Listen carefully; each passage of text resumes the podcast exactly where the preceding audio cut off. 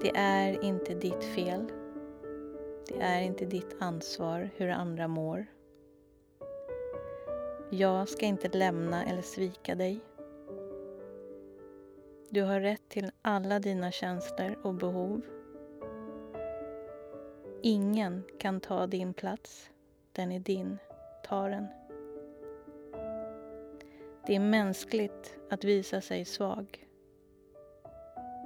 Det är mänskligt att misslyckas. Jag älskar dig alltid och tror och stödjer dig.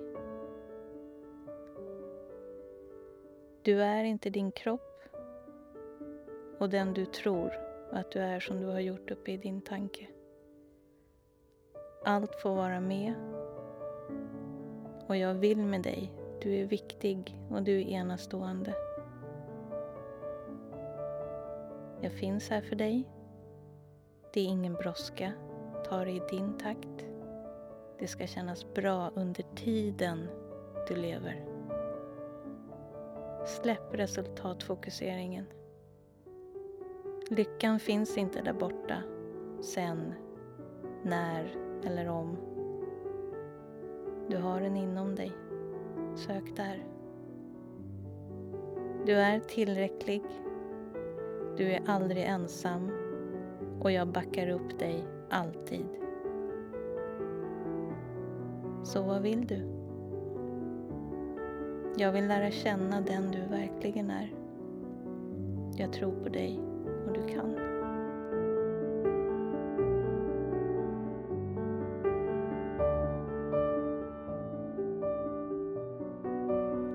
Sandra är idag 46 år gammal och hetsåt för sista gången när hon var 38 år.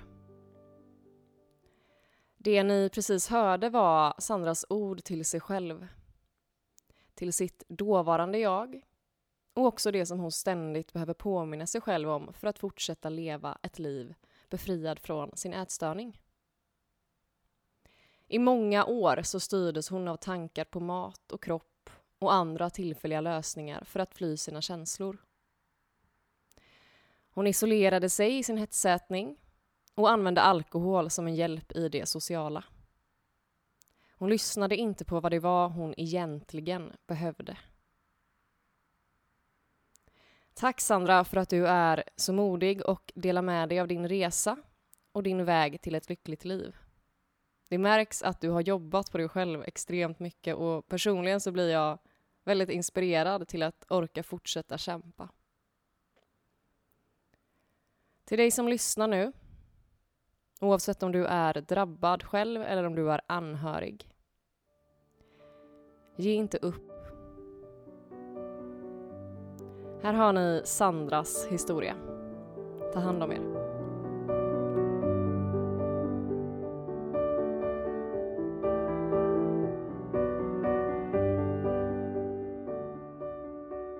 Du har ju haft en, eh, en ätstörning i en hel del år men lever idag helt befriad från den. Och jag är jättenyfiken, dels för min egna skull men också för många andra som lyssnar på hur du har tagit dig ur den och hur du lever idag jämfört med hur det var när det var som värst. Mm. Um, vill du börja med att, att, berätta hur allting började för dig? Mm. Jag um är uppvuxen i en, skulle jag säga, ganska normal familj. Um, en syster och en mamma och pappa. Um, kropp och mat har väl haft ganska stor fokus. Um, min mamma, skulle väl jag säga, det här lite harmlöst, men du vet, står och tittar sig i spegeln. Åh, vad min rumpa har blivit stor. Eller jag måste banta eller jag måste mer, äta mer hälsosamt. Och, ja, så hon höll ju på mycket med och tittade på sin kropp och hade åsikter om den. Som jag plockade upp. Um, vi har också... Min mormor var alltid trerättersmiddagar och det var alltid godis och chips och sånt framme.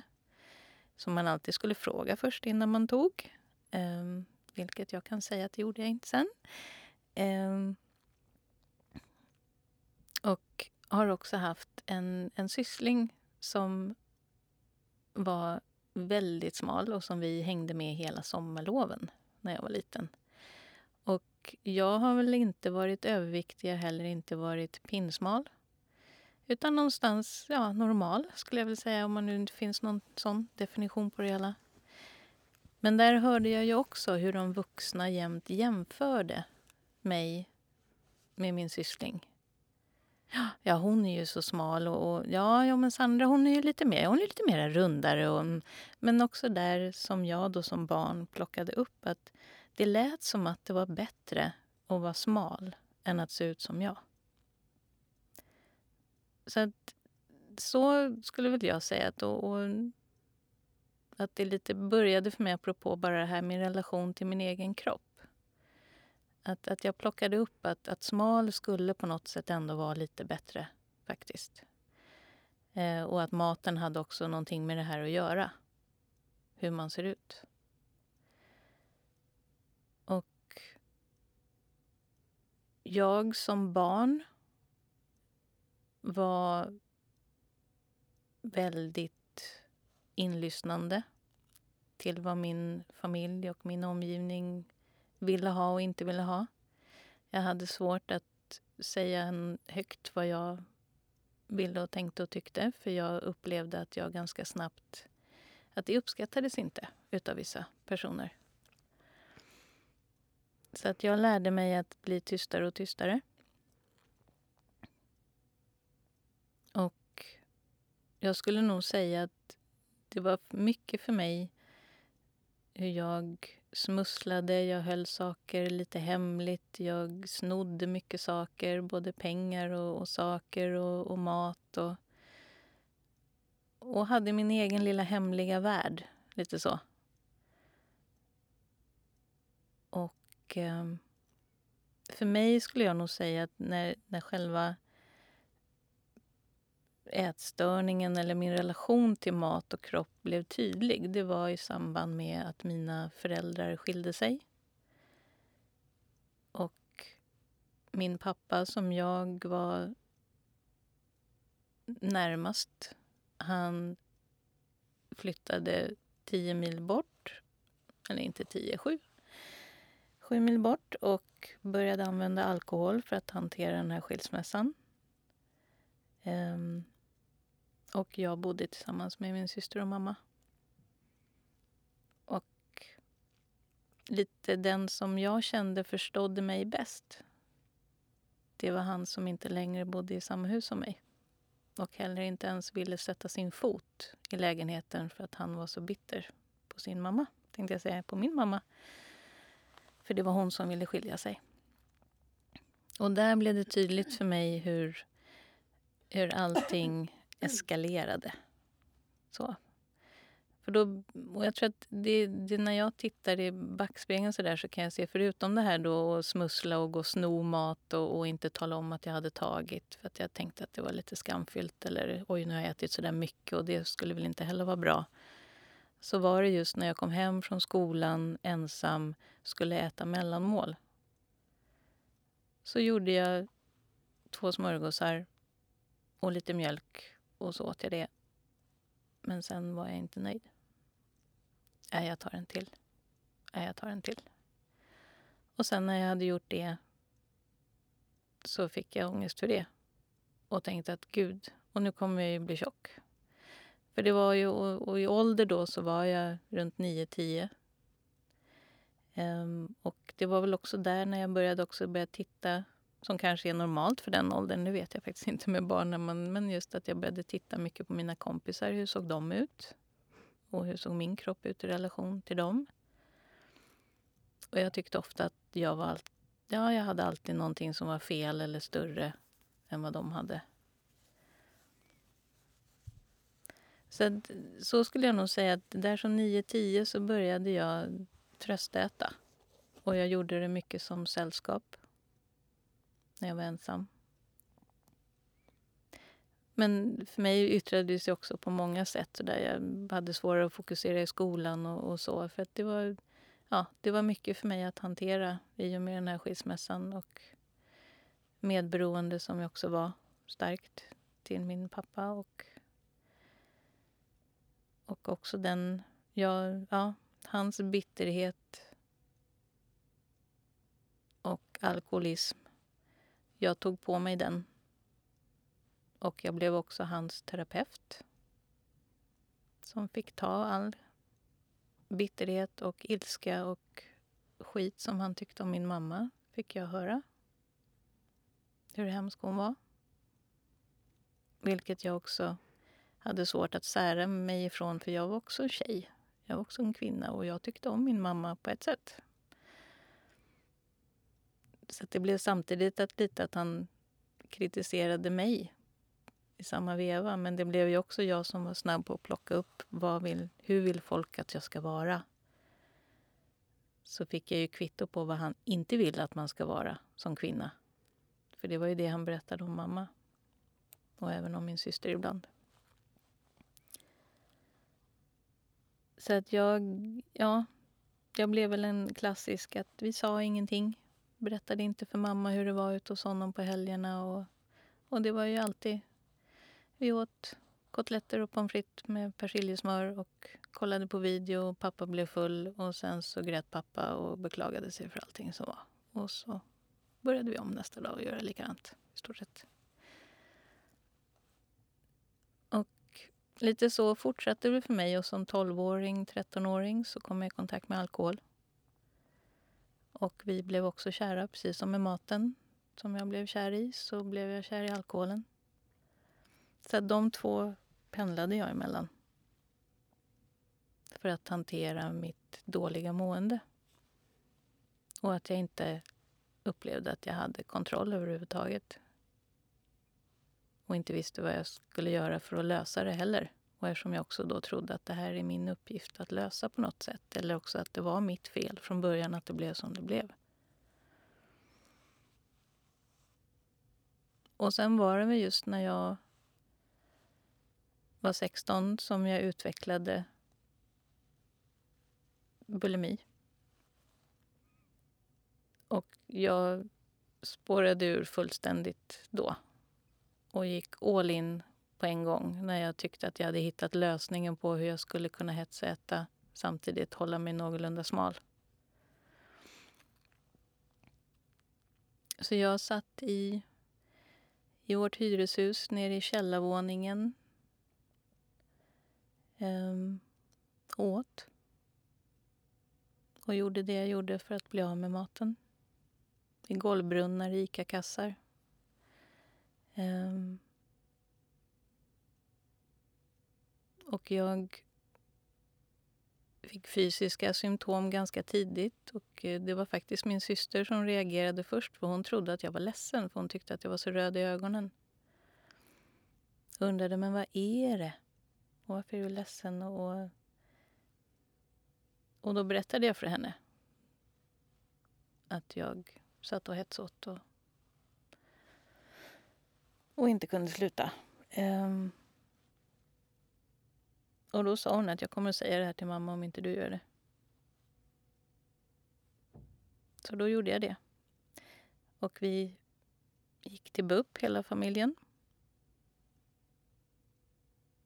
Och jag vet att den där kvinnan på BUP, hon ville säkert bara väl.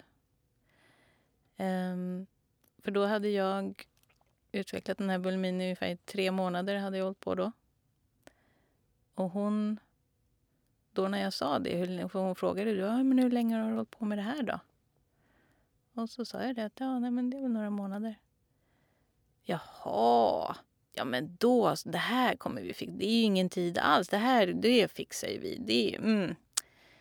Och det blev ju samma sak för mig. Okej, okay. den här kvinnan har inte förstått hur dåligt jag mår. Och för mig var ju alla uttryck i alkohol och med ätstörningen och skolka från skolan och allt vad jag hittade på och destruktiv och väldigt mycket killar och sexu ja, sexuella relationer överallt. Um, det var ju mitt sätt att säga hur dåligt jag mådde eftersom jag inte vågade och kunde eller visste hur jag skulle säga det i ord. Och att jag också säkert inte heller visste riktigt varför jag mådde som jag mådde. Eller, ja. Men jag visste ju att jag mådde jättedåligt. Så att för mig blir det samma sak som att de har inte fattat. Nu ska jag visa dem hur jäkla dåligt jag mår. Så det där blev ju tvärtom för mig. Nu ska jag visa dem hur dåligt jag mår. Så nu måste jag ju fortsätta och göra det ännu värre. För de verkar ju inte fatta hur dåligt jag mår. Eftersom hon gjorde det här så himla... Men det här är ju ingen... Oh, det fixar vi.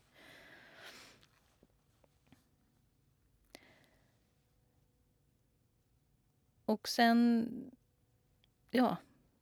Så fortsatte det väl liksom. Jag har pendlat mellan alkohol och mat och jag har väl pendlat i vikt mm, runt 50 kilo upp och ner. Eh, vid ett tillfälle så gick jag upp 30 kilo på en till två månader. Eh, och jag har haft svårt att, att hantera arbete. Ofta sjukskrivit mig för att jag inte... Jag vill vara hemma och hetsäta istället och bara stänga in mig. Och det som hjälpte mig att mera orka och vara social, då använde jag alkoholen. Men maten för mig var verkligen isoleringen. Och det var väl mitt sätt att sätta gränser. För jag visste inte att jag fick sätta gränser där jag skulle sätta gränser egentligen. Och där, jag egentligen borde ha satt gränser, där släppte jag in vem som helst och hur som helst. Vilket gjorde väldigt skada.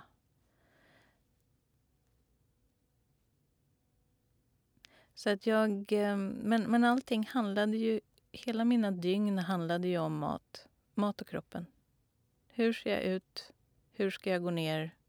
När får jag äta nästa gång? Eller snarare, när får jag känna att jag är, åh, jag är hungrig. Gud vad bra, det betyder att jag håller på att gå ner i vikt. För det kopplade ihop samma sak som att hunger betyder, ja, nu betyder det att du går ner. Men allting, ja, handlade ju om hela tiden. När får jag hetsäta nästa gång och hur ska jag gå ner mer? Hur kunde en dag se ut när det var som värst? Um, jag, när jag har pratat med andra som har bulimi så är det ju många som... Eh, just det, nu kommer vi till den här om vi inte ska... Mm. Um, Man vill inte trigga igång någonting. Nej. nej men, men, eh, men jag kunde hetsäta så mycket att jag inte kunde stå upprätt. Eh, jag fick hjärtklappning. Jag kunde inte, jag kunde inte andas ordentligt. Jag eh, hade bestämt mig dagen innan kanske att nu är det sista gången jag ska hetsäta. Aldrig mer. Nu är det slut. Nu ska jag klara det här. Och det slutade ju ofta med att jag gick tillbaka och letade upp det jag hade slängt i soporna och åt det. Um,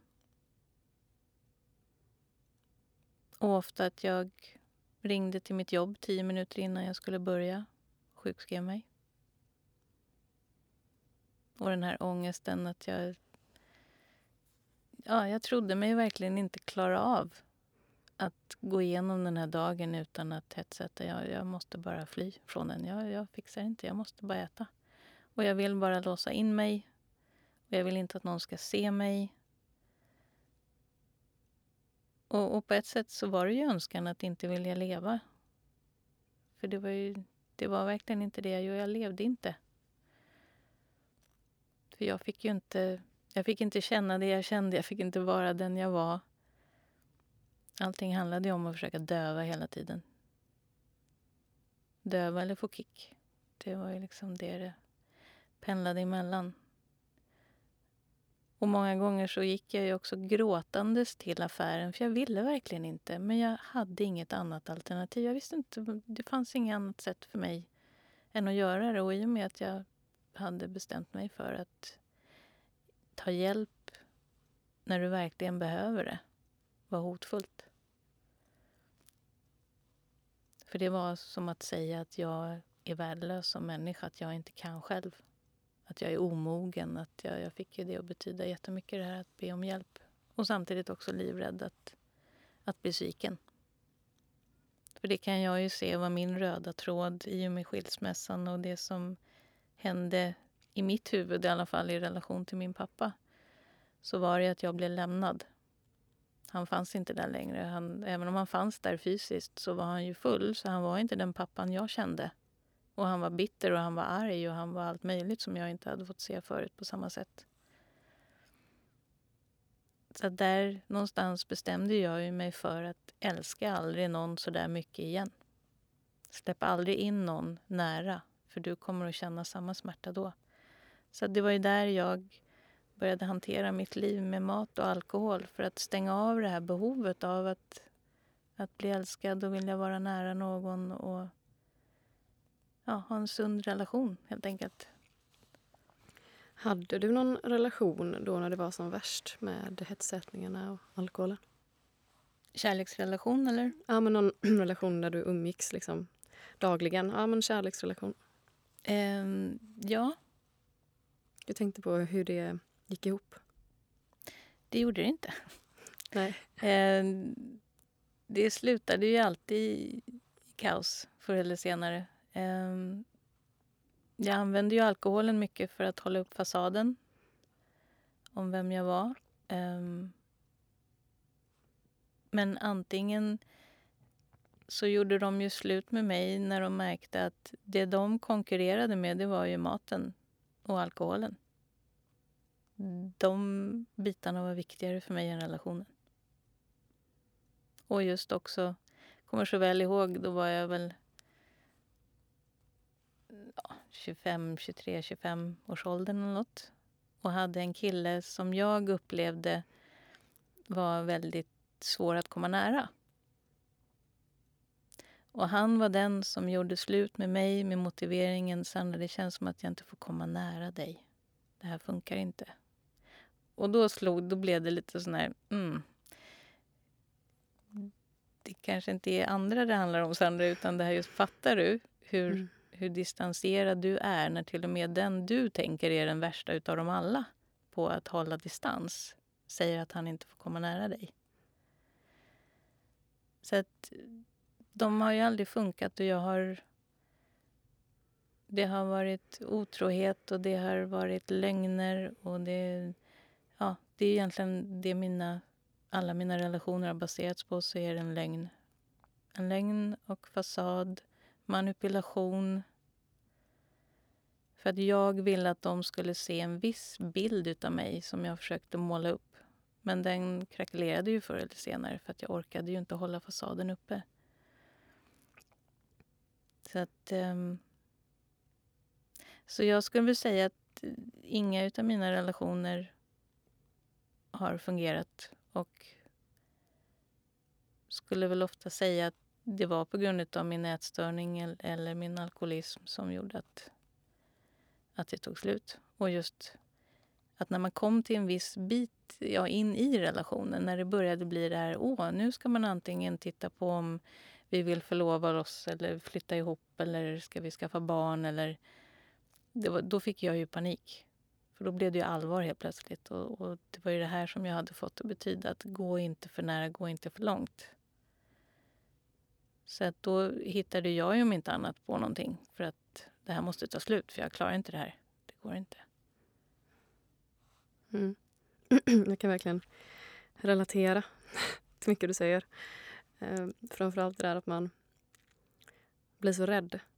För att man är så rädd att eh, förlora någon när man inte har valt det själv. Typ. Eh, så att man hittar på någon lögn. Och liksom, nej men jag har kommit på några lögner som att Nej men nu är det höst så nu kommer jag vara deppig. Liksom. Eller jag vet inte, bara hitta på någon jättekonstig lögn. Som att hösten skulle vara i vägen för att fortsätta ett förhållande. Eh, eller för att sanningen, som du säger, sanningen som är att man kanske inte vet hur man ska kunna leva utan en ätstörning till exempel. För det kan ju vara en överlevnadsstrategi många gånger då. Eh, den är så läskig då. Mm.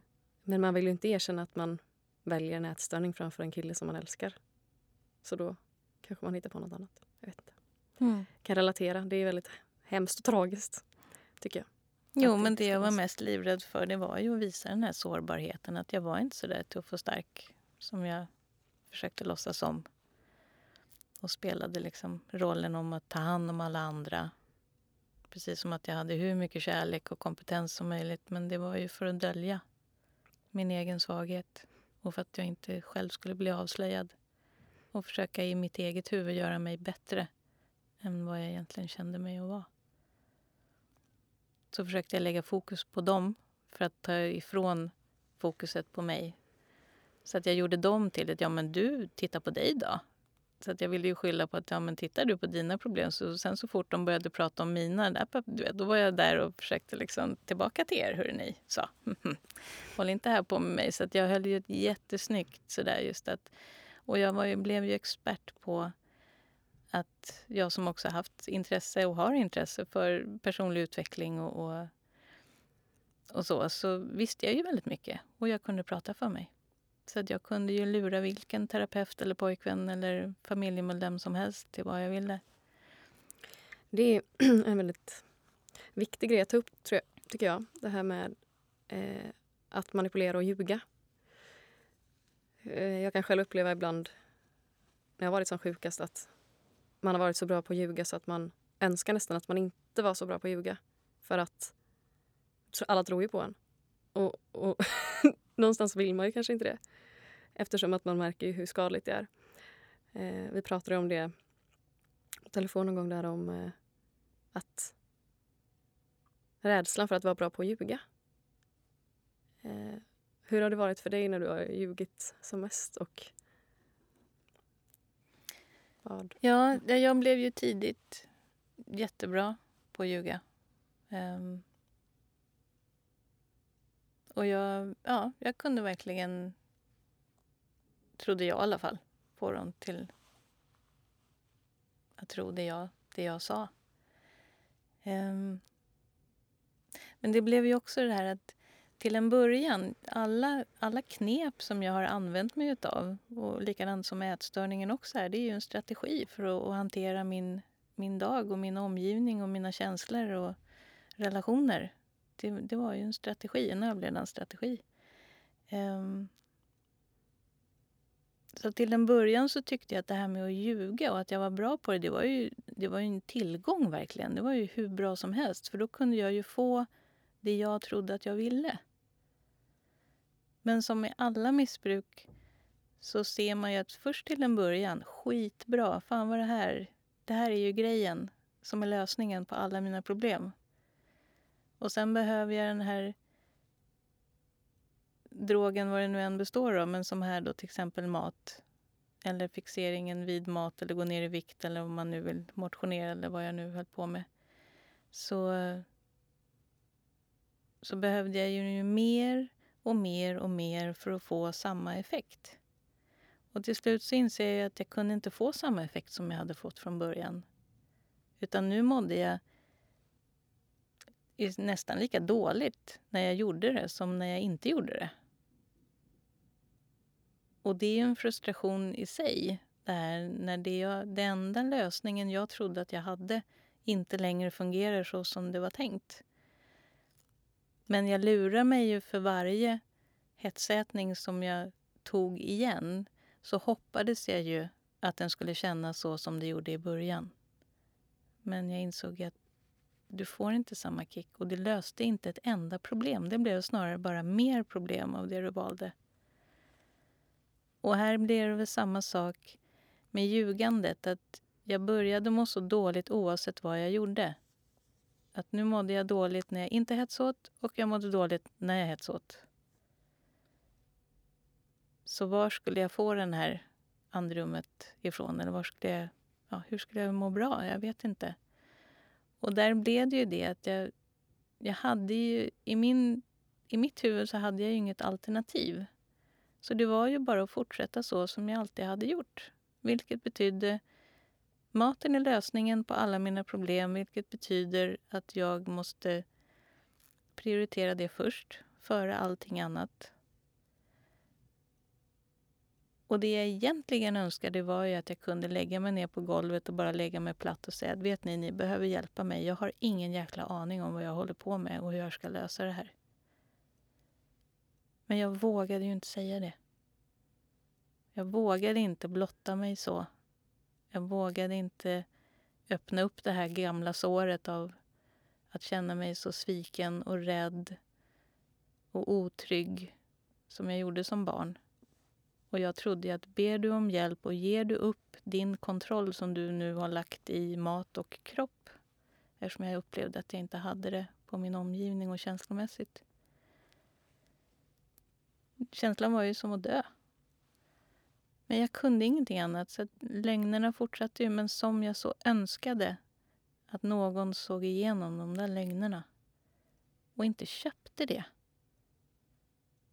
Och bara satte sig ner och bara tittade mig i ögonen att jag ser dig, Sandra. Och jag vet att det du säger nu är inte sant. Och bara stanna kvar där och bara vara. Just den. Inte att de kanske då skulle agera eller säga någonting för då skulle det nog bli för hotfullt så att jag återigen fick den. Nej, nu är de på mig och nu kontrollerar de mig och säger åt mig vad jag ska göra och inte göra. Och det var ju det jag var så trött på. Och som jag också hade låtit så många styra och ställa och tro att de har säkert lösningen åt mig. Och... Men just någon som bara såg mig istället för mina lögner och den fasad som jag gömde mig bakom. Det var, och det var sån sorg att sitta med hela mig där på insidan av den här fasaden. Just det här hur man skapar sitt eget fängelse. Även om det är jag som sitter med nyckeln på insidan så, så var ju inte upplevelsen så. Men den, den blev ju dubbel smärta och dubbel sorg när jag också kom i kontakt med vad jag, att jag faktiskt inte vill det här längre. Det här är en ja, jag mår ju inte bra. Jag behöver ju hjälp.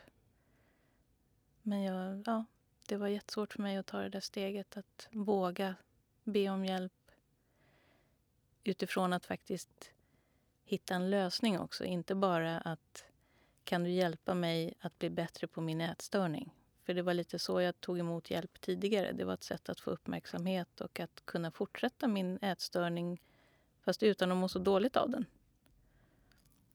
Men det här att verkligen be om hjälp för att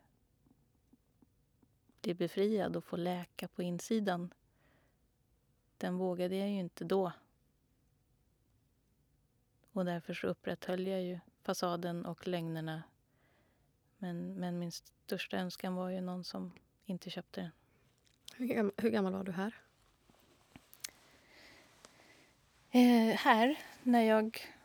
Där vi pratar nu, där du fortsatte med ätstörningen, men ändå inte...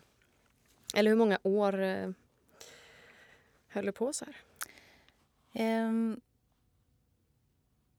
jag skulle nog säga att när jag var runt 20-25, där någonstans, 23-25 kanske.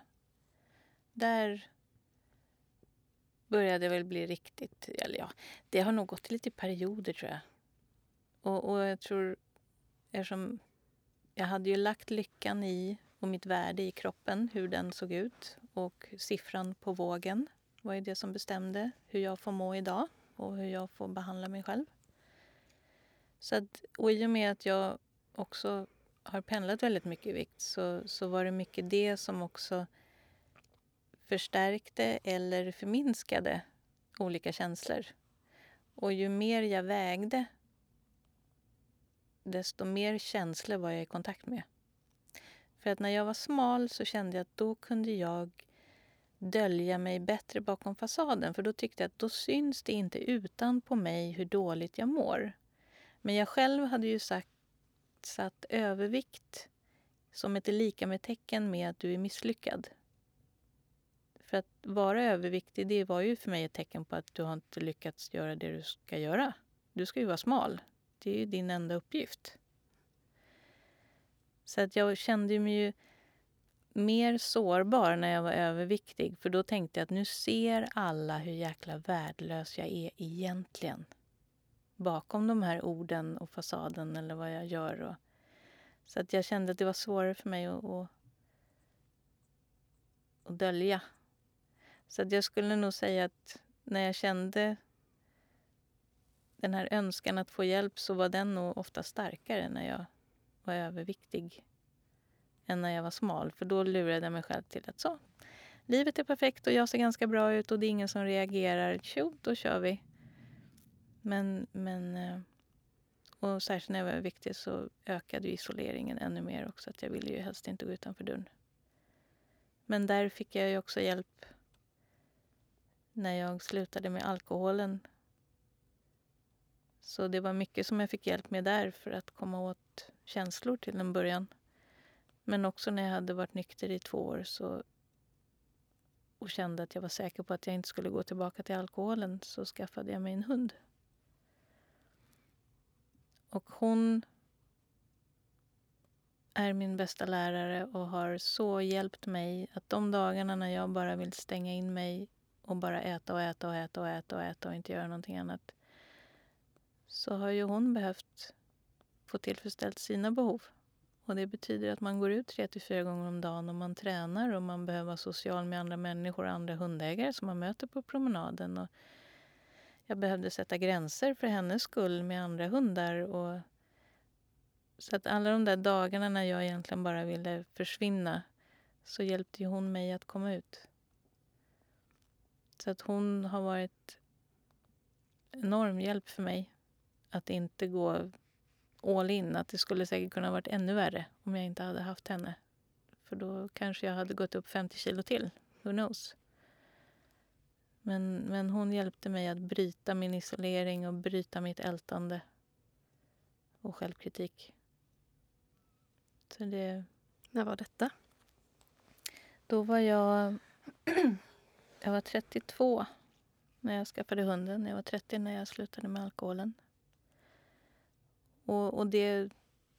Både alkohol och mat för mig, det var ju ett sätt att stänga av vissa känslor som jag hade bestämt att de här ska inte vara med. Eller i alla fall försöka hålla dem i schack. För sen efter ett tag så märkte jag att det gick ju inte. De pyrde ju upp i alla fall. Men, eh, men att ta bort alkoholen hjälpte mig att låta känslorna bli starkare. Och att jag hade svårare att kontrollera dem också. Jag som alltid tyckte att jag bestämde att nu får du vara ledsen eller nu får du vara det och det. Men när jag tog bort alkoholen så fick jag ju uppleva att jag hade ilska för första gången egentligen i mitt liv. För det visste jag inte ens om att jag hade. Det hade jag helt förnekat. Och det låg väl i det här just att jag ska inte tro att jag är någon. Jag ska inte tro att mina åsikter är viktiga. Jag ska inte tro att mina behov blir hörda.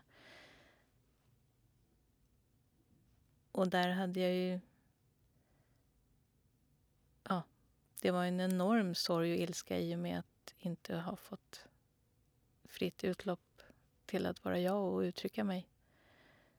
Och där blev det att det lite slog över. Så att helt plötsligt så fick jag upptäcka en ilska som jag inte hade någon aning om. Och det var jätteobehagligt. Var det. När det blir lite mer som en fysisk reaktion som bara tar över.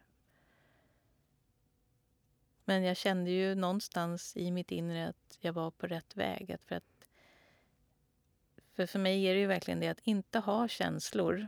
Det är samma sak som att vara död egentligen. Jag lever inte.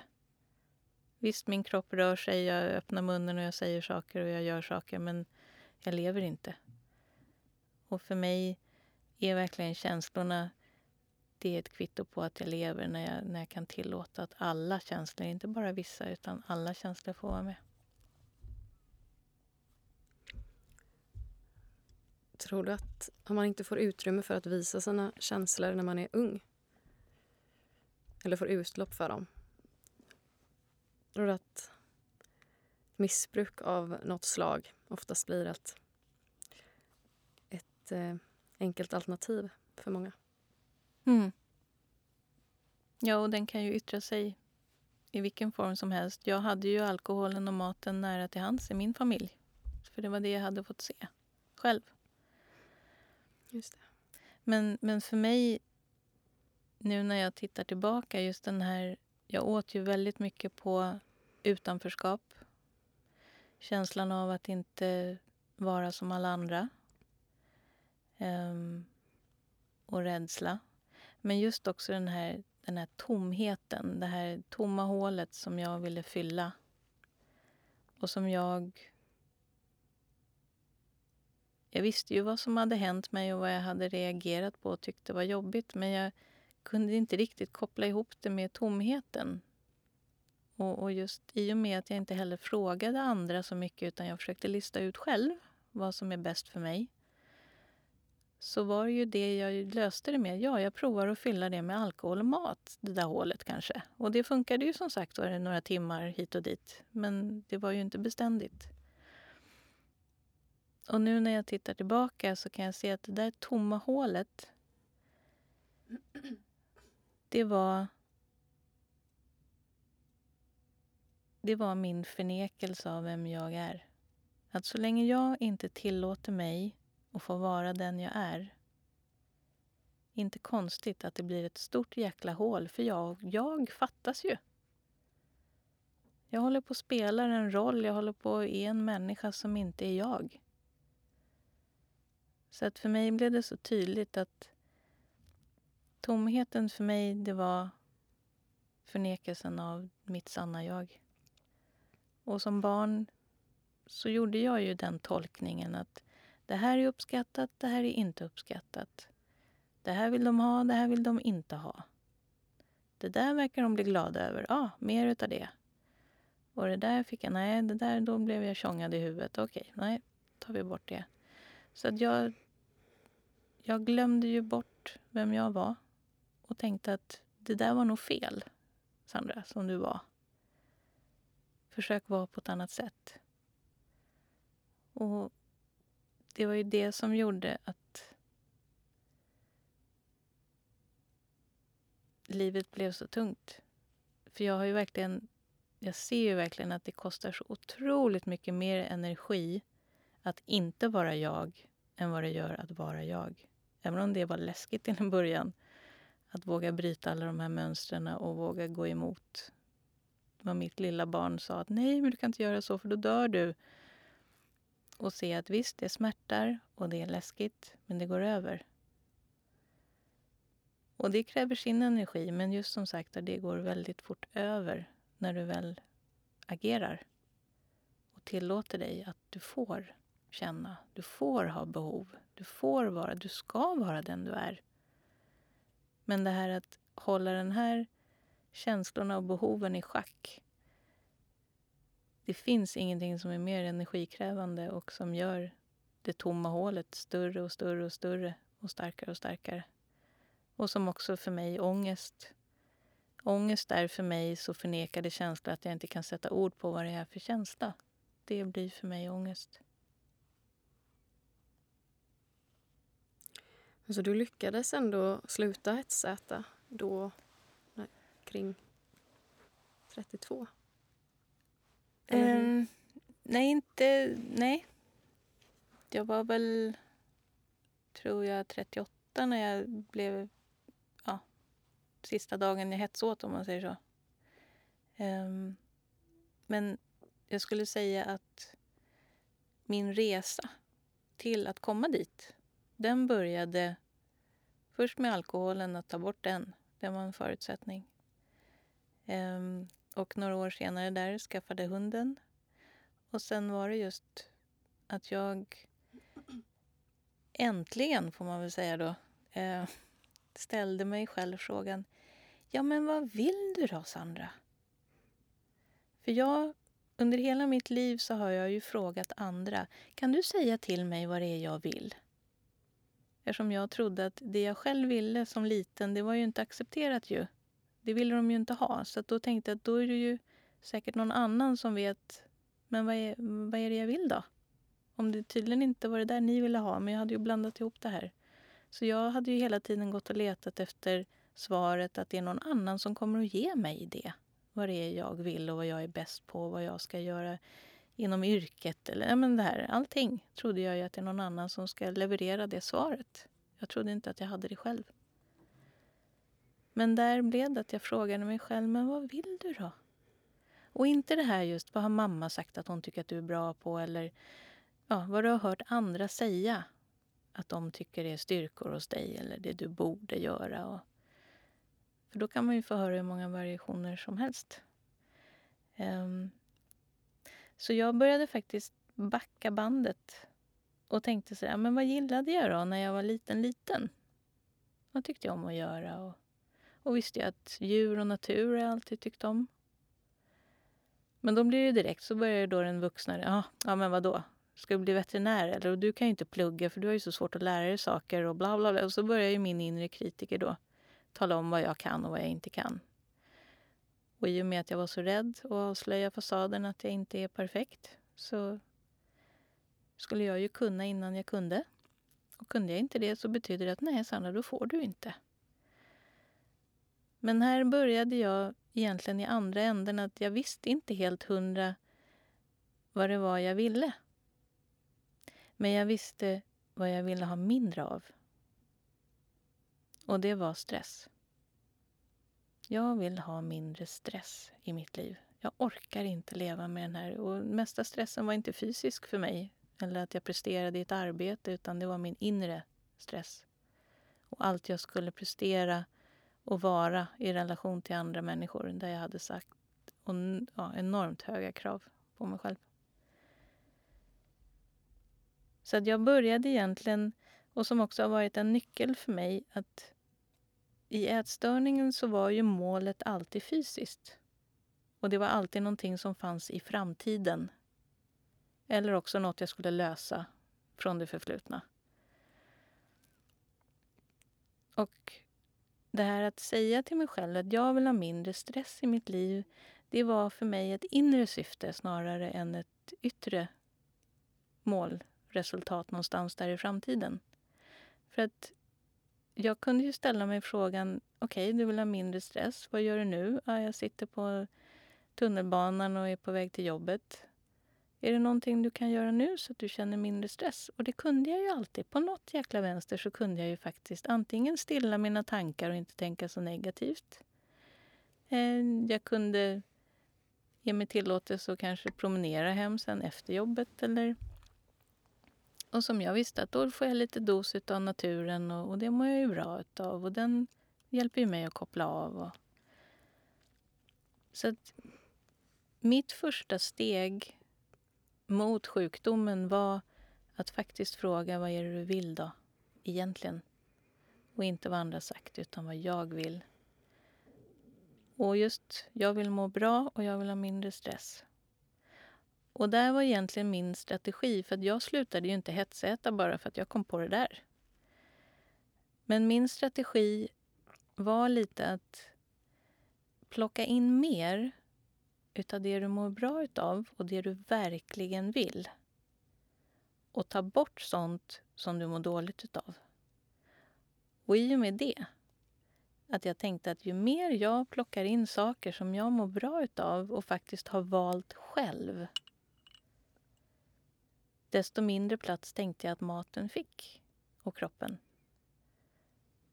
För då blev det att jag gjorde saker utan krav och prestation. Jag gjorde det ju faktiskt det här för att jag ville och jag mådde bra utav det. Och just också, jag gjorde det nu. Inte att jag skulle må bra sen. Vissa delmål var väl lite så att det dröjde ju, men att jag försökte ju verkligen att göra den här dagen idag. Vad kan jag göra för att känna mindre stress och press? Så, att, så jag började sålla bort sånt som skapade stress för mig. Och det kunde ju vara relationer. Det kunde vara jobbet jag hade. Um, det kunde vara bara också det här att boka upp mig på en massa saker. Att tillåta mig kanske ha mera tomma dagar. Även om jag fyllde dem med hetsätning, ja fine, då blev det väl så då. Men då gav mig i alla fall möjligheten att göra någonting annat om jag nu valde det. Men allt som, som gav mig lite panik att jag skulle klara av som jag egentligen kände att jag har ingen lust och jag vill inte. Och, fan, och det här med relationer var ju jättebökigt för mig. För jag gick så in i medberoende hela tiden och tappade bort mig själv. Så jag visste att jag måste pausa efter att jag har träffat någon. Jag måste verkligen återhämta mig efter att jag har umgåtts med andra människor. Och ytterligare en faktor som jag lade till i den här vevan det var att börja bli mer ärlig. Och först och främst var det ju gentemot mig själv. Men det var ju också lite bara den här att ställa frågan vad vill du? Eller vad vill jag? Och svara ärligt på den istället för att det jag trodde. Så eh, att börja bli mer ärlig. Vad jag faktiskt känner, vad jag faktiskt vill, vad jag faktiskt behöver och har behov av. Sen att jag inte alltid vågade uttrycka det och agera på det. Men jag slutade förneka dem i alla fall. Att det var liksom att de började... Alla mina känslor och behov fick börja komma upp till ytan och faktiskt få existera överhuvudtaget. För innan fick de inte det. Det var liksom bara no, no, no, du får inte vara med. Men nu fick de existera. Och sen gjorde jag faktiskt en regel i och med att mitt syfte med det här var ju att låta mer av det jag vill få ta plats och maten skulle få mindre plats automatiskt för att jag hellre valde att göra andra saker och få känna andra saker. Så, så bestämde jag mig för just det här att inte boka upp mig på saker som jag egentligen kanske inte vill. För jag, medberoende som jag var så var det det att oj, någon vill träffa mig, då måste jag vilja träffa dem. Det var aldrig det här att men vänta, stopp, stopp, stopp. Du måste ju fråga dig själv först, Sandra. Vill du? Passar den där tiden dig överhuvudtaget? Eller vänt, du måste ju checka av med dig först. För det var den jag alltid hade hoppat över. Och checka av vad vill jag? Jag gick ju på att de vill, då måste Sandra vilja. Ja. Så, att, ehm, så jag blev bättre på att kan jag få återkomma? Kan jag ringa upp dig om tio minuter? Bara för att jag skulle få den här stunden att hinna checka av med mig. Hur är det? Vad vill du? Och våga kanske komma närmare ett ärligt svar. Så jag blev bättre på att säga ja och säga nej. Men också det här att det jag väl sa ja till, att jag skulle hålla fast vid dem. För min, mitt mönster under hela mitt liv är ju att jag har svikit alla i min närhet. Jag har ljugit och jag har manipulerat och jag har skitit i att komma när vi har bestämt tid. De har stått utanför min dörr, pratat i brevlådan och jag har inte sagt ett ord. Så att just det här hur jag har svikit så otroligt många och att förtroendet var verkligen noll åt båda hållen. Men framför allt de mot mig. Men jag litade ju inte på mig heller. Det var egentligen det jag bara speglade. Att så här lite förtroende har jag för mig själv för att jag skiter i mig själv fullständigt. Jag lyssnar inte på mig själv heller, så jag vet inte. Um, men då bestämde jag mig för att det jag har bokat in och bestämt så ska det vara också någonting som jag känner att det här har jag valt. Även om det inte alltid är någonting jag älskar så är det att ja, men vill du ha en lön så kanske du behöver gå till jobbet. Det är en förutsättning. så. Och nu är det här jobbet som du har valt för nu i alla fall. Och likadant när jag bestämde med någon privat så kunde jag ju få den här paniken och bara nej, jag, ja, jag orkar inte, jag fixar inte, jag, nej, jag vill vara hemma och hetsäta istället. Jag, jag skiter i det här nu. Jag bangar. Men då hade jag bestämt och sagt till mig själv, då får du ringa till den personen och säga att hej, vet du, eh, jag tänker vara hemma och hetsäta istället för att träffa dig.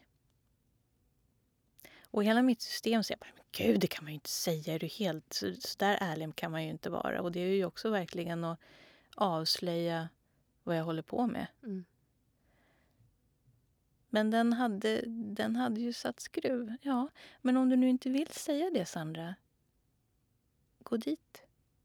Och sen kanske du får öva på att vara mer utav den du är så att du inte blir helt slut för att du har låtsats att vara perfekt och glad och hi och allting är så jäkla bra och finnas där för dem. Att gå dit och vara Sandra och kanske, man måste kanske inte sitta och le hela tiden när man pratar med någon. Man kanske inte måste. Du kanske bara kan sitta och lyssna mest. Eller också kanske du kan prata om det som är viktigt för dig, till exempel. Så det här att sänka ribban och gå dit. Släpp de här kraven som du har satt på dig själv att du trodde att du skulle leva upp till. Och det, jag vet att jag ljög, ja, jag tror på en hand, sådär tre, fem gånger så ljög, jag klarade jag inte av att våga säga. att jag ska hetsäta nu istället för att. Men de andra gångerna så hjälpte ju den här tanken mig att hålla mig till regeln. Säg bara ja till det du verkligen vill. Det andra säger du nej till. Men sa du det någon gång? Nej, jag ska hetsäta. Till Mm, någon kompis? ja. Vad sa de då? Väldigt lite faktiskt. Och inte heller utifrån tystnad eller så, utan eller som straff eller liksom vad fan gör du, utan utan jag blev faktiskt väldigt fint bemött.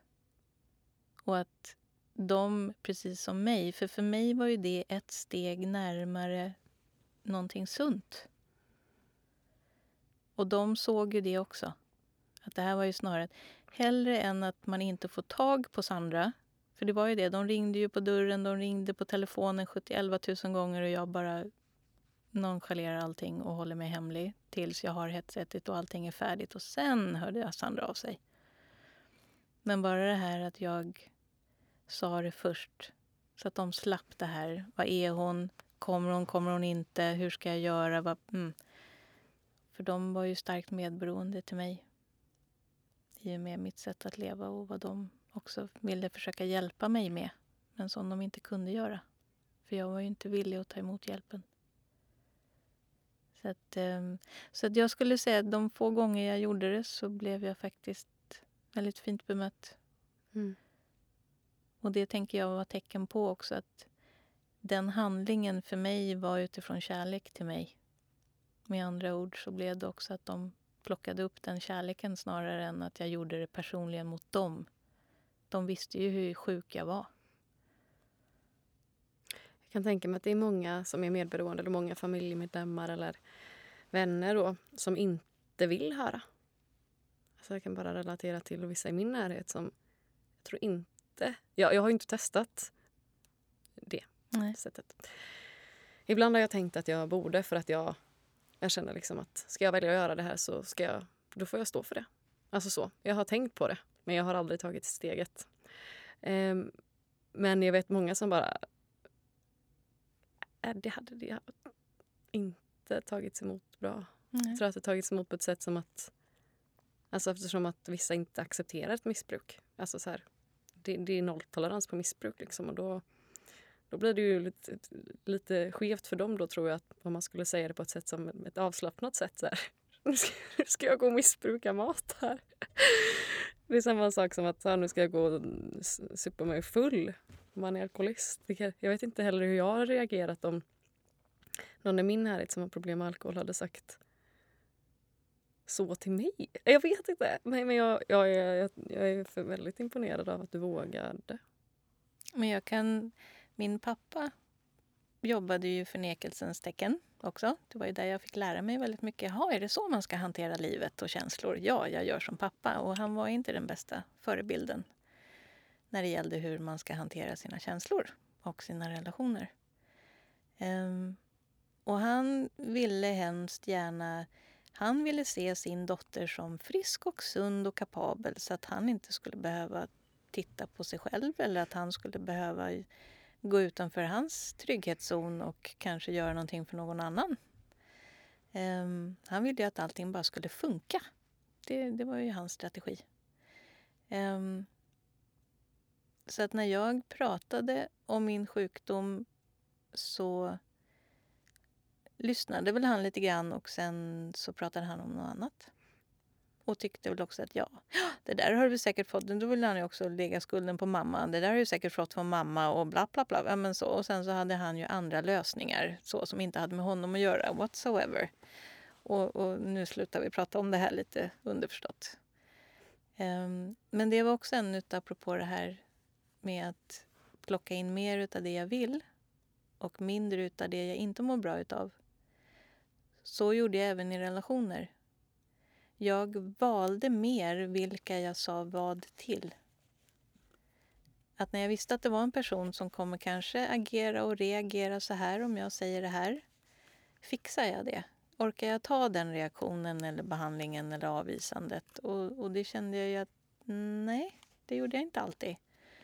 Och då valde jag en annan strategi där. Eller också att jag avslutade sån, vissa relationer också som jag kände att nej, det här det var bara gegg från början och det kanske är bättre att säga tack och hej istället. Det här att, för, för mig, jag skulle ju inte orka om inte jag hade fyllt mina dagar med förebilder och relationer som inspirerar mig till att må bättre. Och hur man faktiskt kan leva om man vill. Mm. Jo, det, det, det är nog en väldigt stor del i allting, tycker jag själv. Att så här, våga faktiskt bryta med vissa människor som inte varit bra för en. Um. Och det handlar ju inte om att göra dem fel. Det handlar bara om att där jag är och jag måste möta mig där jag är. För jag är inte mer mogen än så här. Jag klarar inte mer än så här. För då får jag panik.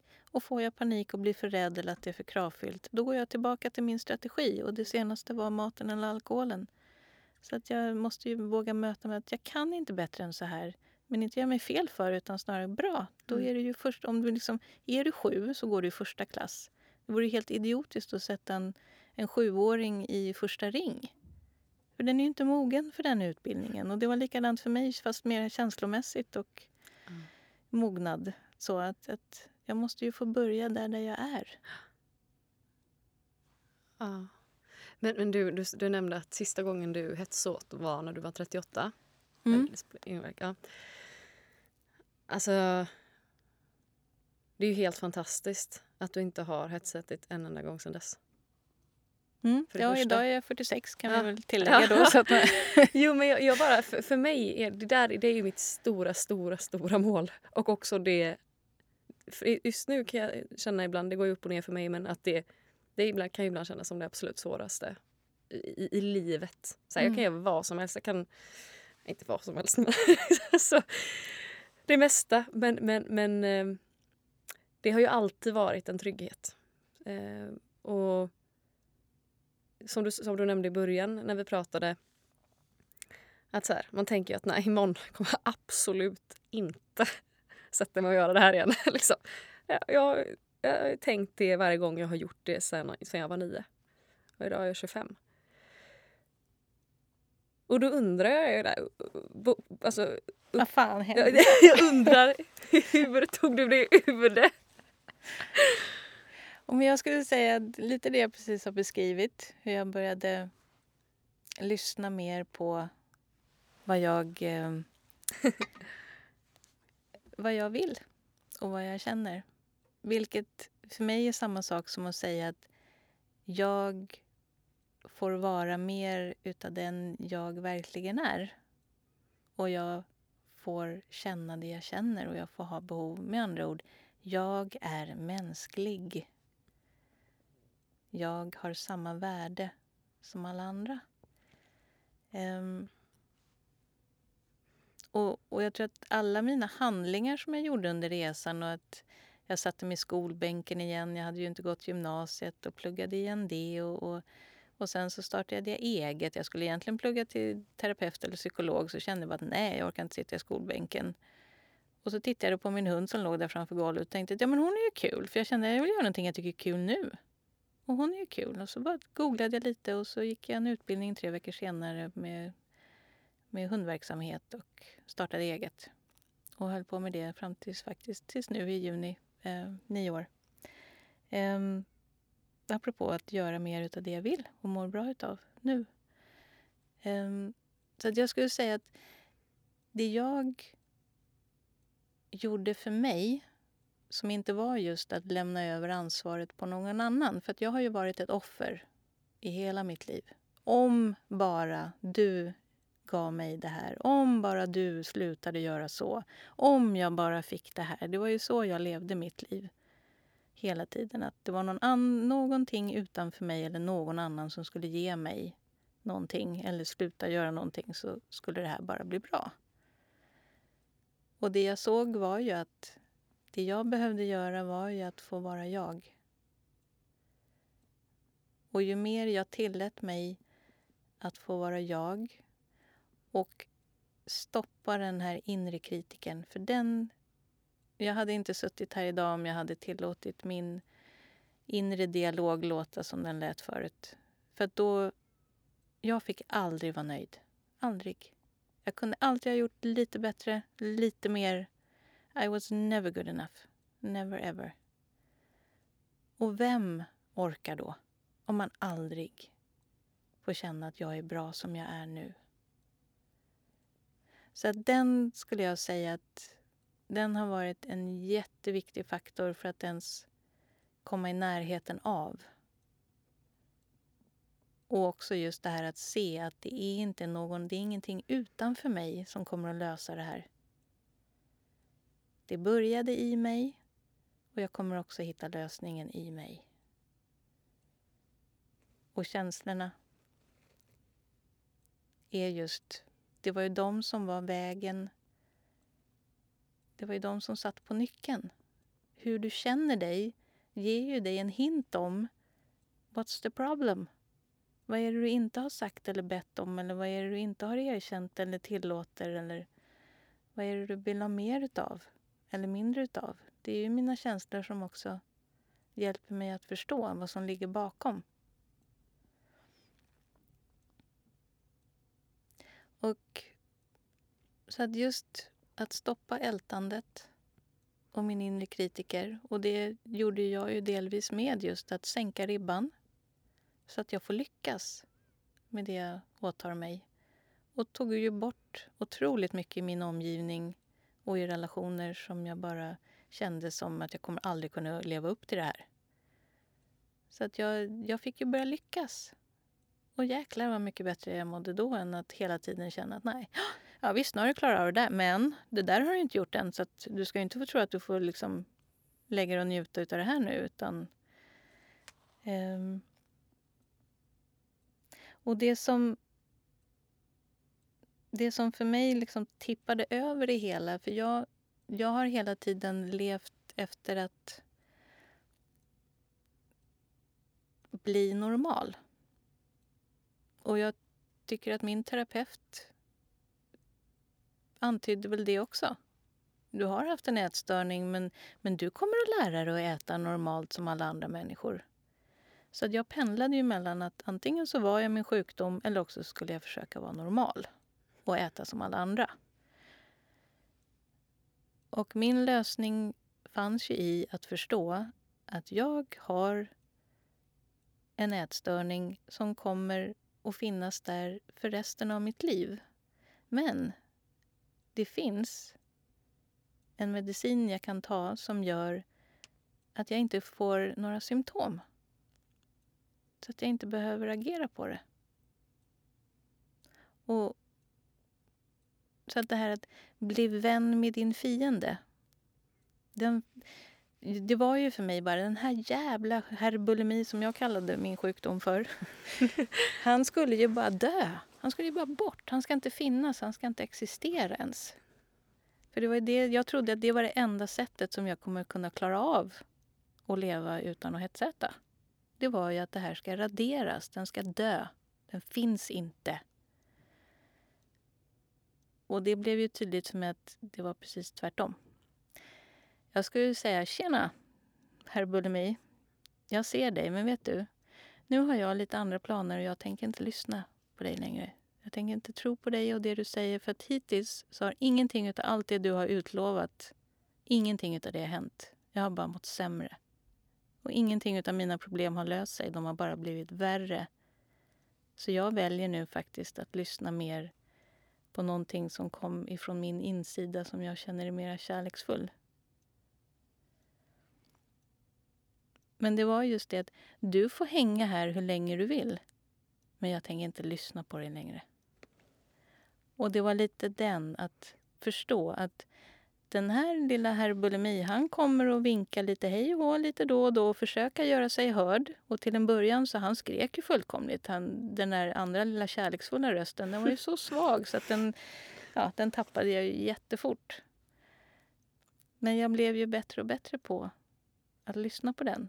För att det var det jag började lägga mer fokus på ju, som jag sa där. Att mer fokus på det jag vill och mår bra utav och mindre på det jag mår dåligt utav. Och sjukdomen, den visste jag ju redan att den fanns där och hur den funkar. Så varför skulle jag hålla på och älta om den? Den, den är ju där. Ja, Men det här just att stoppa den inre kritiken som hade så mycket åsikter och skulle döma mig för varje återfall jag fick. Jag tänkte på det här med återfall. Mm. Hur... Eh, de, kommer det fortfarande dagar där du får sug efter att hetsäta? Ja. Hur hanterar du de tankarna då? Ehm, jag är så pass befriad ifrån dem så att oftast så handlar det om sekunder. Det är oftast inte, jag skulle inte säga att sug är väldigt sällan. Det är snarare tanken på att hetsäta igen. Hur skulle det vara? Eller liksom att det är mera, mera så. Att, åh, eller också just att känslan jag fick kanske påminner mig om att åh, hade det här varit för tio år sedan så hade jag hetsätit nu. Eh, så just när jag också kommer åt nya bottnar i min, i min själsresa så där, med, med känslor så, så kan ju det vara ibland den första tanken som dyker upp. Åh, nu ska vi äta mer. För det var ju så jag senast hade löst det, när den känslan dök upp. Um, men för mig är det idag... När den kommer så blir det så tydligt för mig. För det jag inte gjorde förut, det var att jag hoppade över att tänka på konsekvenserna av. Jag tänkte på den här kicken. Vad det skulle ge mig, det rosenskimrande fina. Men sen det här, ja men hur blev det sen då? När du hade hetsätit? Och sen hur mådde du efteråt? Och hur många problem fick du där? Och det var ju den jag gärna ville hoppa över och gärna gjorde förut. Eller jag liksom, nej, den här gången kommer det inte att bli så. Då lurade jag ju mig själv och tänkte att den här gången kommer det att funka och bli mycket bättre än vad det har gjort de andra gångerna. Och nu kunde jag ju inte ljuga för mig själv längre och säga att maten löser dina problem. Kroppen löser dina problem. De har ju aldrig gjort det. De har ju bara skapat ännu mer problem. Så att så det var ju lite det här att komma till att jag inte längre kunde lura mig och säga att det här är den enda lösningen. För jag visste ju nu att det går faktiskt över. Även om jag också har suttit de här dagarna man tänker att det här kommer ju aldrig ta slut och jag kommer aldrig ja, bli av med den här längtan efter att få äta och livet känns pestigt och jobbigt. Men det var ju just det att ja, livet var så förut för att när jag inte hetsåt så levde jag ett liv som jag inte ville leva och jag fick inte vara den jag var. Så inte konstigt att jag ville fly ifrån det så kallade normala livet. För det hade jag ju bara kopplat ihop med att du får inte vara dig själv, du ska göra mer än vad du klarar av och sen så gärna stoppa in lite stress och så ska du gå med på saker som du inte vill och gärna bli lite våldtagen på det också. Så nej men det blir jättebra. Varför vill du inte leva det livet, Sandra? Är du konstig? Att det, såklart att jag hellre ville sitta på mitt rum och äta igen mig istället. Det var fasen så mycket behagligare än det där andra livet som jag trodde att jag skulle klara av. Men nu hade jag ju bytt ut det till att det var faktiskt ganska nice att leva mitt liv. För att jag fick vara med hundar ute i skogen varenda dag. Jag hade ingen jag kunde ringa och sjukskriva mig till för jag var den enda anställda på det här jobbet och det var jag. Och jag som tidigare sjukskrev mig minst en till tre gånger i månaden har på nio år inte haft en enda sjukdag. Och den är sådär lite nypa mig i skinnet. Sådär, ja, att jag skapade en, en situation som jag själv hade valt som satte mig i det jag trodde att jag hatade. Struktur, rutin och behöva göra samma sak varenda dag. Det var ju det jag... Ah, panik fullständigt. Men så ser jag ju nu när jag tittar i backspegeln det var ju precis det jag skapade men utifrån att det hade en mening för mig. Jag hade ett syfte och jag ville det. Så även alla dagar var ju inte kul där heller. Men det fina var ju att hundarna de sket fullständigt i vad det stod på min våg. Hon sket fullständigt i om jag luktade svett, om jag såg ut, hur jag kände mig. Så länge du tar ut oss på en promenad, och du behöver inte prata hela tiden heller. Vi är så glada när det bara är tysta och vi bara går i skogen och njuter av naturen. Så att, uh, we love you. What's the problem? Och det var ju så jag önskade att jag kunde vara med människor. Men jag klarade inte det. Men hundarna fick vara min väg till människan.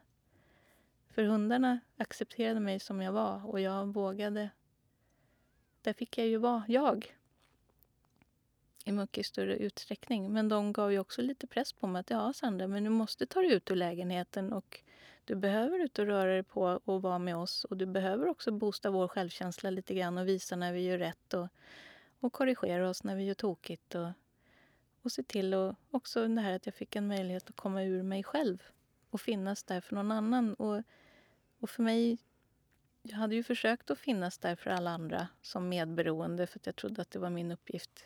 Ehm, men jag saknade ju också det här att känna mig nöjd med mig själv och det jag gör. För jag var ju alltid otillräcklig hela tiden. Men, men hundarna har verkligen... Där har jag fått växa och se att när du gör det du tycker om så hjälper du någon annan. Kan det vara så? För jag trodde ju förut att det alltid måste kräva jättemycket av mig för att kunna hjälpa någon annan. Du måste ha den utbildningen, du måste vara perfekt som människa, du måste... Alla de här måstena. Och här fick jag ju se att jag kunde bidra till någon även fast jag känner mig så jäkla usel som jag gör. Så kunde jag ändå bidra till någon. Och den har ju varit, tror jag, jätteviktig. Annars hade jag nog inte orkat. För att hela tiden känna att alla andra har någonting att ge, men inte jag. Jag tror vi alla människor behöver känna att vi är behövda och har någonting att bidra med. Och det har vi. Hur usel man än kan känna sig så, så har jag alltid någonting att bidra med. Bara genom att vara den jag är. Så att... Eh, så att lite de i kombination att, att förstå att jag har en sjukdom som jag kommer leva med resten av mitt liv. Så det handlar inte om att, den, att jag blir frisk i den bemärkelsen. Men jag vet. Jag vet vad som leder mig tillbaka till den och jag vet vad som hjälper mig att hålla den i schack. Och det är ju tack vare att jag kommer ihåg att jag har en sjukdom som jag sitter här idag. För det är ju när jag trodde att jag var frisk. Det var ju samma sak som att, japp, tillbaka till ätstörningen. För att jag är inte frisk. Jag har inte en frisk relation till min kropp och till mat. Den kommer alltid att vara lite ätstörd. Så det, och det är ju tack vare att jag vet om det som jag vet hur jag ska äta det som är sunt och bäst för mig. För stoppar jag i mig produkter som jag inte tål så går det käpprätt åt helvete. Då är jag tillbaka till sjukdomen igen. Om jag ältar och kritiserar mig själv dagarna i ändan, det är samma sak. Varsågod, tillbaka till sjukdomen. Men så länge jag får känna och vara och bidra och ta min medicin som är just bland annat det, att vara ärlig och vara jag och bidra till andra och hela tiden fortsätta självrannsaka mig och se vad det är jag sitter på för egenskaper som bara gör skada, faktiskt. För de har jag ju fortfarande. Men förut så, så var ju snarare rädsla och dåligt mående, det var där jag var trygg. Och det var kärleken som skrämde mig. Och jag har ju förstått med all, all den bearbetning jag har gjort och också gått i terapi och, och även att jag också har sugit åt mig väldigt mycket litteratur av andliga mästare av olika slag och sådär. Att också att den har varit jätteviktig för mig för att komma vidare. Att jag, jag behöver ju andra människor som har gått före för att bli inspirerad hur man kan tänka. Och just det här att jag trodde ju också att jag kommer aldrig att bli fri från den här ätstörningen. Jag, jag trodde verkligen inte det. Men eh, det går. Och det här att kunna säga ett år utan att hetsäta, det trodde jag inte var möjligt. Men det var det. Och jag eh, ser också just att, att min min andliga tro har också betytt jättemycket här. Att också inte bara lägga tron i att det är någon annan människa eller det är jag som människa som ska fixa allting och förstå allting. Att för mig har det ju varit en jätteviktig del i att förstå att jag kanske faktiskt inte vet allting. Jag kanske inte kan förstå allting heller. Men att det finns någonting som gör det. Och för mig, jag kan ju också översätta det till att vara både själv men också att tro att det finns någon förälder till mig som vet lite mer än vad jag vet. Alltid. Även om jag kan jättemycket så finns det någonting som vet lite mer som jag inte kan se och förstå. Och det är dit jag vänder mig och det fanns inte utanför mig. Sen om man vill kalla det inuti mig själv, men att det, det är där inne jag måste vara. Det sitter inte i min kropp, sitter inte i en annan människa, det sitter inte i mitt yrke, det sitter inte i, i vad jag gör eller vad någon annan gör eller har. Utan det är just någonting inom mig sitter på den kraft jag behöver. Och all den här kärleken, att det är ingenting utanför som ska komplettera mig. Jag är komplett. Och det, det är det som... Ja, resan började ju med att jag saknar kontroll i mina relationer och min omgivning.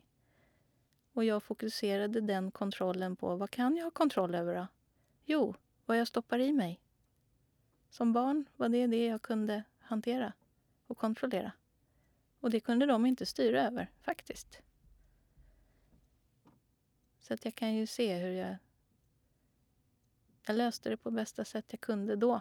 Och sen var det bara att se att vet du, det var en jättebra lösning kanske då utifrån ett litet barns sätt. Men nu är du vuxen.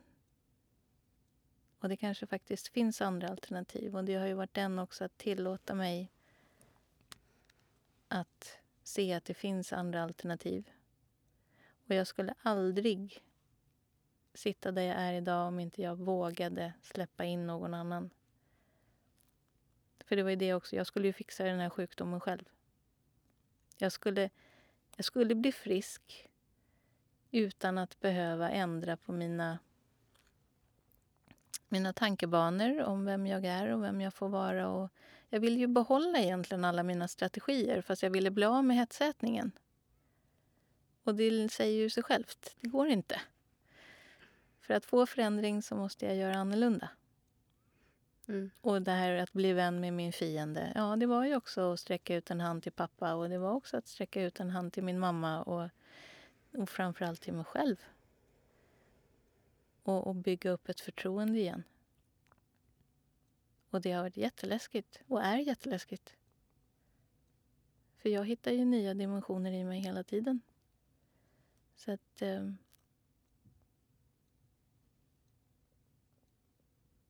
mm, det, är en, det är en ständig process och jag blir aldrig färdig.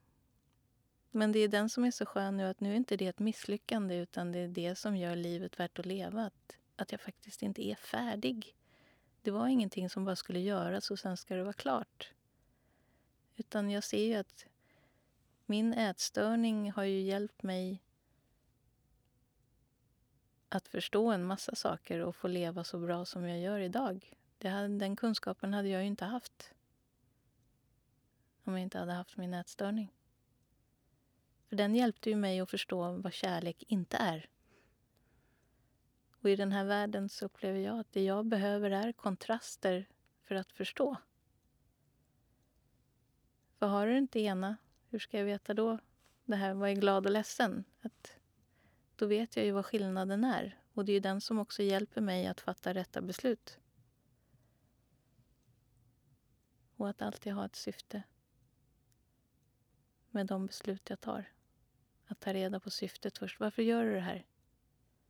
Och om jag känner att nu kommer jag utifrån rädsla, det här är bara mm, mm, stopp, stopp, stopp. Då fattar vi inga beslut än. Utan vänta lite då. Och så väntar du tills du känner att så, nu gör jag det här utifrån att jag tror att det är det bästa. Utifrån det som är. Sen är det inte alltid att det kanske är helt fri från rädsla för det. Men det är i alla fall det kärleksfullaste jag kan göra utifrån där jag är. För den där inre kritiken som bara ska göra mig fel för allting, det, det är samma sak för mig att gå tillbaka till sjukdomen. När jag vill styra mina känslor och säga att du får inte vara med. För då är jag ju där och förnekar mig. Med andra ord, jag ökar den här tomheten i mig. Så att acceptera att jag inte är annorlunda någon annan i den bemärkelsen. Sen att jag har en sjukdom, men det är inte den som definierar vem jag är. Jag har en sjukdom, men jag är inte min sjukdom. Och den har varit en jätteviktig insikt för mig. För förut var jag min sjukdom. Och sen försökte jag vara normal. Och så när jag inte klarade av det så fick jag känna mig misslyckad igen. Och så tillbaka och så snurrade jag runt där. För det första, det är fantastiskt att höra dig berätta. För det, för det ger mig hopp om mig själv. Sen det här tänkte jag på att inte vara sin sjukdom. Vissa personer som har varit med den länge kanske faktiskt nästan identifierar den som en sjukdom. Och eh, kanske visar det genom kommentarer och blickar och jag vet inte. Och om, om det är någon där ute som sitter och känner så att man liksom kanske har några familjemedlemmar eller kompisar eller någonting som verkligen så här, ja men som man är en sjukdom för. Uh, har du något tips till hur man ska förklara då? Liksom att, för det är så svårt tycker jag att säga att jag är inte min sjukdom. Uh, och så blir den här konflikten liksom i vissa sammanhang. Har du något tips på hur man ska förklara för folk i sin omgivning att man kanske kämpar och man vet om att man har en sjukdom men man är inte sin sjukdom och därför behöver man kanske inte heller höra det gång på gång. Mm. Jo, men jag tänker, eller det jag kan relatera är just det här hur min familj och, och omgivning, de blev ju medberoende till mig. Um, och också som de har delat till mig, det här hur de ville hjälpa mig, såklart. Och de la ju också på sina axlar att de borde göra mer. Um, och det är ju att, att vara medberoende är ju lite samma sak som att säga till den man försöker hjälpa att du är inte kapabel att hjälpa dig själv. Det är jag som måste hjälpa dig för att du ska bli frisk. Och det är ju lite att underminera den personen, att den inte är kapabel att ta ansvar för sitt eget liv. Och på ett sätt så visar de ju att nej, det kan de inte. Men när det är någon som hela tiden håller på och sopar framför din matta hela tiden, som försöker lyfta dig när du själv inte kan gå, det blir ju ibland att jag lägger över ansvaret på dem så att jag behöver aldrig göra det själv.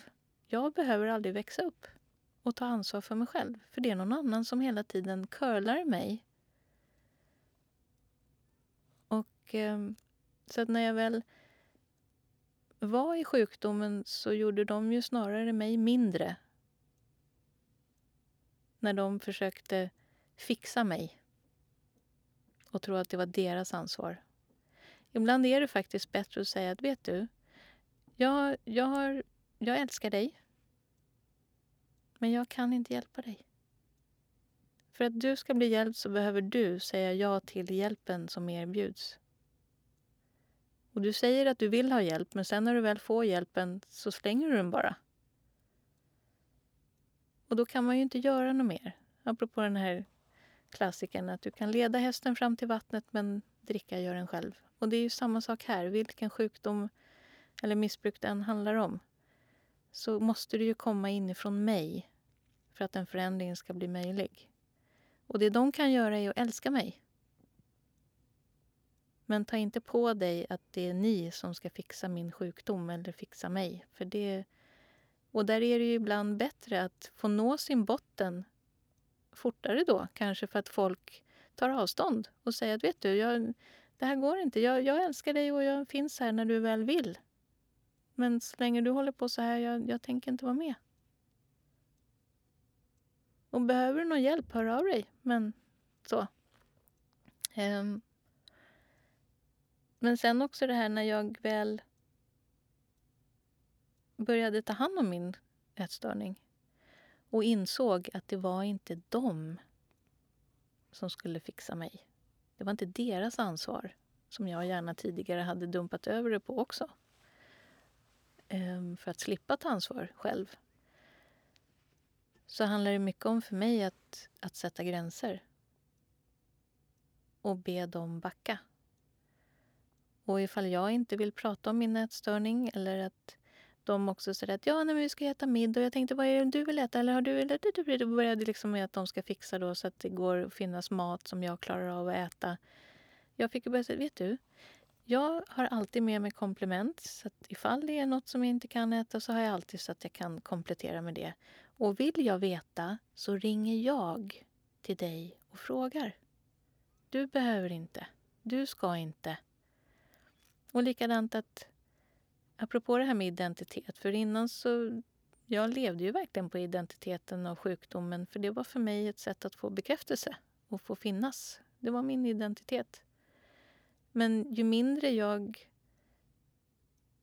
tyckte om den här sjukdomen och faktiskt började se att livet var ganska bra när jag gjorde andra saker istället för att bara gå upp i att vara så ätstörd som möjligt eller missbrukande som möjligt och inte klara av livet. Så, så vill jag ju heller inte bli, behöva bli påmind om det hela tiden på det sättet. Att de, för det är ju väldigt lätt att familjen lever kvar i det som var. Jag själv kanske har gått vidare men jag måste också förstå att för dem kanske det är i en annan takt och på ett annat sätt. För de är ju inte i mig och vet allt som händer. Så att jag fick sätta gränser och säga att det där får du prata med någon annan om.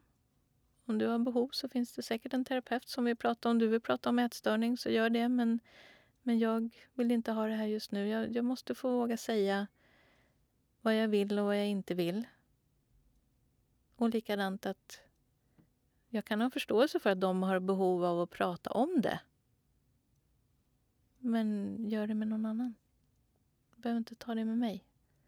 Och annars så kan jag också påminna mig om bara, vem vill jag bli liksom identifierad som då? Så att istället för att de säger åh, där kommer Sandra, hon med bulimi. Ja, eller också kan du bara säga Sandra. Behandla mig som en människa. För det tror jag de flesta säger det också, även om man har cancer eller vad det än är för någonting. Sluta håll på med min sjukdom. Jag är ju fortfarande här som Jessica eller vad man nu än heter. Att det är liksom se bortom sjukdomen och se mig som den individ jag är istället. Och att jag har rätt att säga när jag vill prata om sjukdomen och när jag inte vill det. Och de har rätt att prata om den hur mycket de vill, men inte med mig kanske alltid. Precis, jag tycker det är så himla viktig punkt. Att fortfarande se personen förbi sjukdomen. Sen kan jag också tycka, som också lätt blir medberoende, att det är väldigt svår balans. Att så här, ja men jag vill ju bara ditt bästa. Men ändå så bara, ja fast du kanske inte kommer göra hens bästa bara för att du lyfter hela tiden när någon mår dåligt. Nej, för det är ju lite det här, var kommer du ifrån när du gör det? Det är ju den som är att om, om jag kommer utifrån att jag tror att jag måste hjälpa dig för annars kommer du inte klara det här. Då är det ju samma sak som att förminska personen istället för att säga att jag tror på dig, du kan det här när den andra sitter och tvivlar om sig själv. Ja, men så, det är ju snarare det som är att lyfta. Mm. Att det är skitjobbigt, jag vet. Men jag tror på dig. Mm. Det är ju snarare den jag vill höra av folk. Mm. Än att åh, stackars dig, vad jobbigt du måste ha det. Nej. Nej, det är fruktansvärt att få höra den. Ja. men du, eh, har du, eh, har du något sådär sista som du känner att du vill säga? Antingen till, eh, till till någon som är sjuk eller har varit sjuk eller någon anhörig? Um, eller till dig själv. ja. Jo, men jag tänkte just det, för det var den jag lite sådär när jag... När vi hade ju pratat om den här, mm. just det här, vad hade jag velat säga till mig själv? Mm, just um, och jag kände att allt det jag skrev vill ju jag höra än idag. Um, och det är ju den som också är det jag ständigt måste påminna mig om för att få fortsätta att må så pass bra som jag gör och slippa ha den här ständiga energin på mat, kropp, matkropp och, och tro att det är, är den jag är. För jag är inte min kropp. Jag har ju fått upptäcka att det fanns en annan dimension utav mig än att tro att det bara var där. Så att det jag skrev var det jag ville säga till mig själv att det är inte ditt fel. Det är inte ditt ansvar hur andra mår. Jag ska inte lämna eller svika dig. Du har rätt till alla dina känslor och behov. Ingen kan ta din plats. Den är din. Ta den. Det är mänskligt att visa sig svag. Det är mänskligt att misslyckas. Jag älskar dig alltid och tror och stödjer dig. Du är inte din kropp och den du tror att du är som du har gjort uppe i din tanke. Allt får vara med och jag vill med dig. Du är viktig och du är enastående. Jag finns här för dig. Det är ingen brådska. Ta det i din takt. Det ska kännas bra under tiden du lever. Släpp resultatfokuseringen. Lyckan finns inte där borta, sen, när eller om. Du har den inom dig. Sök där. Du är tillräcklig. Du är aldrig ensam och jag backar upp dig alltid. Så vad vill du? Jag vill lära känna den du verkligen är. Jag tror på dig och du kan.